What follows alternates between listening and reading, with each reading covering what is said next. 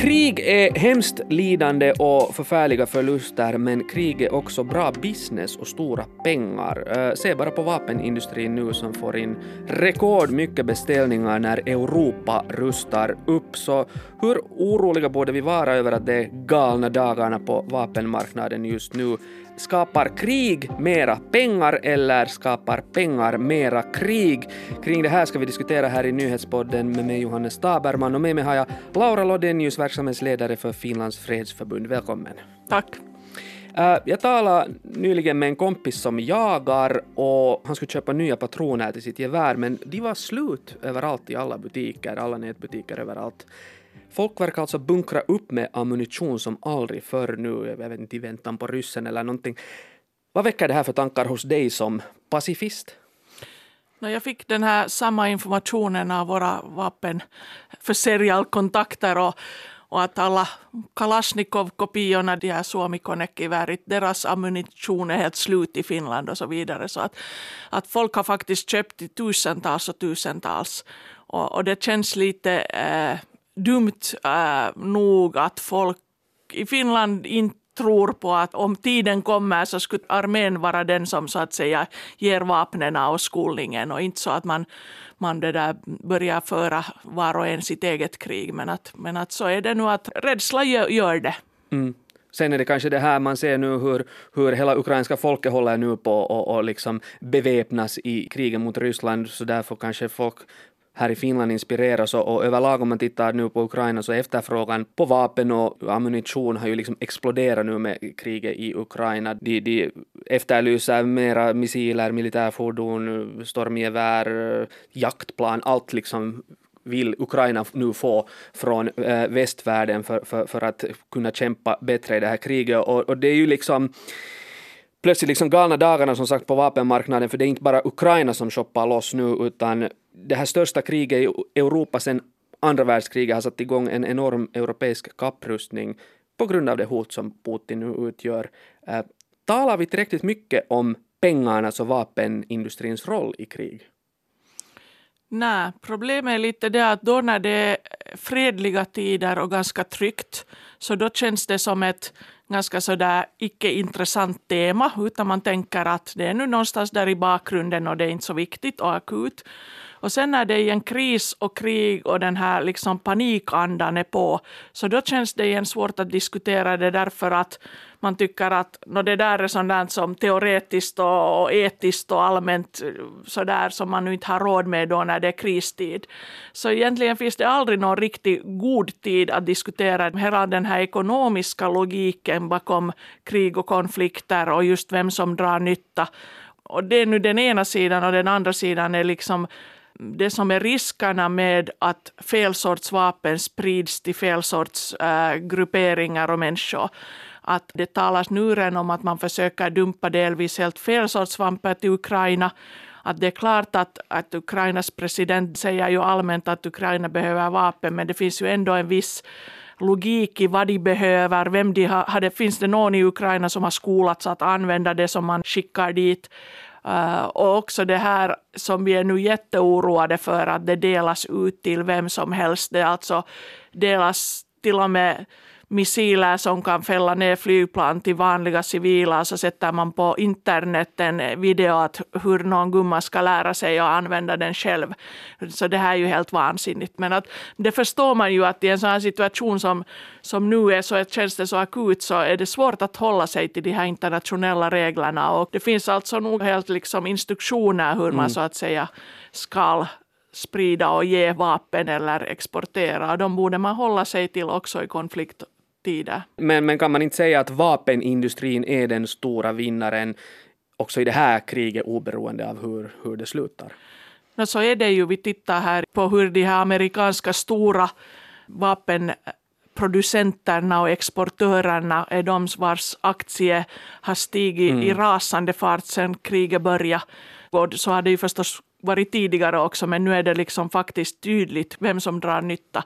Och det där, eh, det är ju på ett sätt naturligt, men samtidigt så ska man då komma ihåg att, att det finns alltså på riktigt är det så när det alltid sägs att alla vill ju ha fred, så finns det ju på riktigt en bransch i världen som nu egentligen inte drar nytta av fred och som också har ganska stark lobbying och påverkande i, i staters beslutsfattande, så vi ska inte vara blåögda i det att vi tror att alla vill ha fred, att alla vill kanske inte ha fred för att man har nytta av det. Men kanske det större problemet är det att vi också har liksom accepterat den tanken att för att det ska finnas arbetsplatser eller för att äh, stater ska kunna skaffa sig självvapen då när de behöver så tänker man att det också behövs export och då ger man så att säga lite grönt ljus till all möjlig export som nu inte går enligt riktigt etiska regler eller överhuvudtaget följer någon regler bara för att man tänker att man behöver nu den här produktionen och för att den här produktionen ska vara lönande så måste man så att säga ge dem lite fria händer. Det låter absurt för det låter nästan som att, att det skulle finnas någon sån här rättvisehandel inom vapenindustrin. Alltså kan vapenexport vara etisk? No, det här är ju samma fråga som vi alltid får också gällande krigets regler, att kan mm. krigande vara etiskt? Och det finns ett regelverk och, mm. och internationell rätt för hur man ska ändå om man nu krigar, så hur man ska kriga. Och samma är det med vapenexport. Att det är klart att fredsorganisationer och pacifister och, och vi som vill väl i världen så tycker att all vapenexport i världen borde ta slut. Men så länge det finns alltså ändå vapenexport därför att FNs grundstadga säger att stater ska få försvara sig själv och då finns det en viss mängd av produktion och export och import i världen. Så då ska man då följa vissa internationella överenskommelser. Vi har ett vapenexportavtal, Arms Trade Treaty, som vi fick till stånd. Mm. Att det skulle bara gälla att försöka ens som minimi nu hålla sig fast vid det här. Att det finns nog en logik i de här reglerna fast de inte är helt pacifistiska. Mm. Det kom just eh, färska siffror från det här internationella fredsforskningsinstitutet SIPRI som, som visar att äh, vapenförsäljningen har ökat med närmare 20 procent just i Europa under de fem senaste åren och, och, och man menar där liksom att, att det här liksom har varit lite som en sån här föraning, förvarning om vad som komma skall. Den har egentligen satt igång efter annekteringen av Krim 2014 och vi ser liksom den här effekten äh, fortfarande. Så, så när liksom det här hotet nu, hotbilden nu är större än någonsin i Europa och vi ser att länder reagerar på det och rustar upp, så finns det inte då risk för att de här reglerna som du talar om glöms bort? No, de har glömts bort ganska mycket och vi har varit oroade länge för den här att eh, när den här säkerhetspolitiska atmosfären blev kallare mm. så har länder reagerat med den här upprustningen. Och, och, på ett sätt kan man ju förstå det, men samtidigt är det nog en, en sån här olycksalig liksom, äh, det blir en sån där följd och verkan effekt att mera upprustning förorsakar en upprustning på båda sidorna, så blir det en kapprustning och vi kommer ihåg från det föregående kalla kriget då när du och jag var barn mm. att det inte var så bra med det där 80-talets kalla krigs upprustning. Tvärtom. Då såldes det väl rekordmycket vapen ja, just plus att det liksom förorsakade massor dåligt för ekonomier utom just den här vapenindustriella mm. ekonomin. Men det var inte så bra med den, med den upprustningen så att folk borde ha lärt sig och statsledare att vi ska på allt sätt försöka undvika ett nytt kalla krig.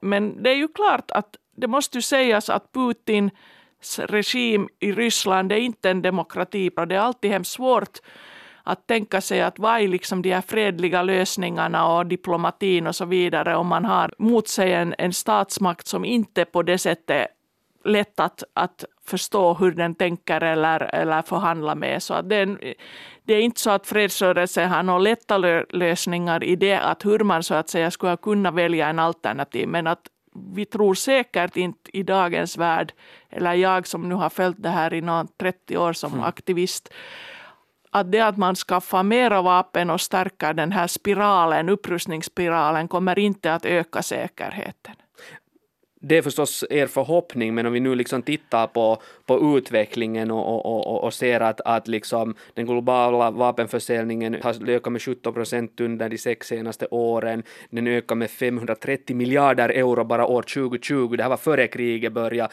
nu har det här anfallskriget eh, ett faktum, så man kan väl förvänta sig att den här liksom försäljningen kommer att liksom explodera och att den här upprustningen kommer att pågå ännu längre trots allt. Det är säkert som så har vi nog räknat med att det här är nog någonting som inte kommer att bli bättre under följande fem, sex åren utan, utan det blir värre innan det blir bättre. No, den amerikanska vapenindustrin är helt klart störst i världen och, och och står snart för 40 procent av hela marknadsandelen. Och världens största vapentillverkare, den här Lockheed Martin, sålde i fjol vapen för 67 miljarder euro. Det var ju också de som sålde till Finland de här F35 jaktplanen, 64 stycken har vi köpt för 8 miljarder euro. Det här var ju en lång debatt som, som fördes innan den här affären blev färdig. Uh, just nu tycker jag det har varit ganska tyst kring kritiken mot de här jaktplanen. Jag menar, man kan ju tycka att tajmingen var ganska bra, men vad säger du om det här? No, sådär professionella internt, alltså de som verkligen sysslar med, med, med arméer och militärer och sånt, som jag till exempel nu inte är någon superspecialist på. Men de facto har jag ju förstått att de här planen som vi nu skaffar skulle inte vara någonting som man så att säga skulle ha till exempel rädda Ukraina med. Att, jag menar, det är inte ett försvarsvapen eh, på det sättet, utan det är ju menat för att så att säga gå in på den fiendens territorium men att jag förstår hemskt väl att just nu är atmosfären sån att ingen vågar säga någonting kritiskt överhuvudtaget om, om liksom vapen eller militärer eller försvar utan man säger att allting som försvarsministeriet eller, eller huvudstaben vill så är liksom OK. Så att i den här atmosfären är det ganska svårt att diskutera att vad det här nu var det vettigaste mm. att satsa just på USA.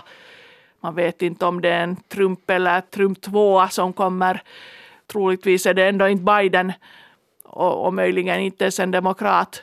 Så att man är ganska gift med den staten varifrån man köper så här stora jaktplan för att det där man får alltså alla deras uppdateringar från, från det landet och så vidare. Så att vi får nu se. Mm. Jag tror att efter tio år kommer klockan uh, låta helt annorlunda i den här diskussionen men att just nu så förstår jag varför det är så tyst om det i Finland. Mm. Tyskland, uh, som ju nu kanske är den vapentillverkarnas intressantaste kund eftersom de nu verkligen går ut och rustar upp. De har sagt att de ska satsa 100 miljarder euro mera på att rusta upp uh, sitt försvar och de tänker också köpa av de här samma F35 jaktplanen. Så det går jättebra för den eh, amerikanska vapenindustrin som vi konstaterar. Ryssland är den näst största vapenproducenten, men där är det ju nu stopp på exporten, men man har ju förstås säkert fullt upp med att producera helt e-, egna vapen. Men eh, hur är det med liksom Finland? Hur stora spelare är vi inom vapenindustrin egentligen? Finland är inte någon hemskt stort land. Jag menar, vår granne Sverige är mycket större Precis. både i, i, produktion och export, så att även om vi alltid tänker på Sverige som stora fredens land mm. så är ju de nog äh, ganska stora i den här businessen och också i europeisk, eh, europeiska siffror. Dit har vi inte kommit, men under senare år har Finlands vapen, både produktion och export, vuxit hemskt mycket. Om man tänker på liksom senaste 20 åren, att när jag har blivit fredsaktivist så var det ännu ganska så där Eh, modest det här vad vi, vad vi gjorde och det var nu främst med tanke ändå på Finlands egen och sen stödde man lite det med export. Men att nu är man ju nog ganska mycket på internationella marknaden. Vi är speciellt så sysslar man med, med sådana här lite med sådana high-tech-produkter, alltså med den här teknologin. Vi har kunnande inom mobil. Sen har vi sådana special sådana här eh, skyddsmaterial eh, vi är bra på, på sådana militära skyddsutrustningar av olika mm. slag. Mm. Och sen finns det förstås det som alla känner till, är de här Patrias ja. fordon som är de här gamla Sisuna och Nasuna och så vidare. Mm. Det är ju de som folk ser på bilderna när det talas om vapenexport. Men vi har faktiskt en del, en del annan så specialkunnande som har både civil användning och militär och det är en gråtzon som är svår att följa upp. Ja, jag, jag vet liksom att från Fredsförbundet så har man ju också kritiserat Finlands vapenexport. Vad är liksom den största kritiken här?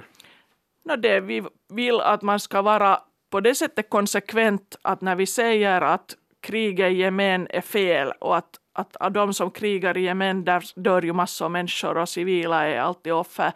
Så då är det inte liksom konsekvent att man från EU och Finland exporterar till de som krigar i Jemen. Fredsförbundets argument har varit att man skulle nu åtminstone följa reglerna som vi igen kommer tillbaka till. Mm. Att man inte skulle föra till sådana länder där, där det förs äh, ett sådant här mot civila anfallande krig och där mänskliga rättigheterna bland de som får de här vapnen inte följs, alltså auktoritära regimer. Och Finland faktiskt följer i princip de här reglerna men så gör man alltid så här undantag alltid då när det är ekonomiskt lönande. Och det är det som vårt liksom, största kritiken både från fredsorganisationer och människorättsorganisationer är att det ska borde vara konsekvent att man inte för till vissa sorters länder och sådär som Saudiarabien som mm. nu är en stor uppköpare i världen men också har fått liksom från Finland och nordiska länderna. Så där är nu sådana här exempel. Och det så ser vi ju nu i Ukraina att det skickas ju jättemycket vapen från väst. Också Finland fattade ett historiskt beslut nyligen om att vi ska stödja Ukraina med olika krigsmaterial och, och, vapen. Gör det här inte oss till en part i kriget? No, på ett sätt så tror jag nog att Europa har beslutat att vara en part i kriget. Jag menar, vi stöder nu Ukraina på alla de medel som går. Så på det sättet förstår jag det. Jag tycker alla goda regler kan ha ett undantag. Man kan tänka sig att i den här situationen så förstår man att Ukraina måste få vapen till viss. Men jag skulle hoppas att man skulle ha börjat nu fundera också på hur man så att säga sen eh, följer upp att det på riktigt är Ukrainas armé som använder dem och att det följs upp det att det inte används mot civila och så vidare. Jag frågar faktiskt en tjänsteman som har varit i sån här EU-mission uh, i Ukraina att hade funderat på den här frågan att det sprids till fel aktörer och han sa att, att han är nog åtminstone själv medveten om att det händer men att det inte finns ännu någon plan för vad man skulle säga när konflikten är slut hur man skulle få plockade dem tillbaka till någon mm. sorts armédepåer och så vidare. Mm. No, no, som vi nu har konstaterat, det finns alltid de som skor sig på att det krigas, äh, vapenindustrin är en enorm business, men jag funderar liksom att hur ska man se på saken, äh, skapar pengar krig eller skapar krig pengar? Liksom en filosofisk fråga här till slut. Krig skapar pengar, och det är det liksom det första. Det ger en marknad möjlighet, opportunity på engelska. Och när det finns en sån så betyder det också att det finns människor som tycker att det kan kanske vara bra med lite krig. Jag är inte så liksom misstänksam att jag misstänker att, att vapenindustrin skulle ha hittat på konflikten i Ukraina. Men att det är ju inte bara vapen utan det handlar om hela krigs industrin. Det handlar ofta om grundämnen, det handlar om råvaror olja, olja, råvaror och olika sorters mineraler. Att vatten i framtiden är vi rädda om att komma. Så att det är nu olika saker som påverkar varandra. Men att svaret är det att jag tror både och. Jag tror att krig skapar äh, pengar och pengar skapar krig. Laura Lodenius från Fredsförbundet, tack för att du kom hit. Tack. Du har lyssnat på Nyhetspodden med mig Johannes Taberman. Ami Lassila producerade, Anne Heikkilä skötte tekniken. Fortsätt lyssna på oss.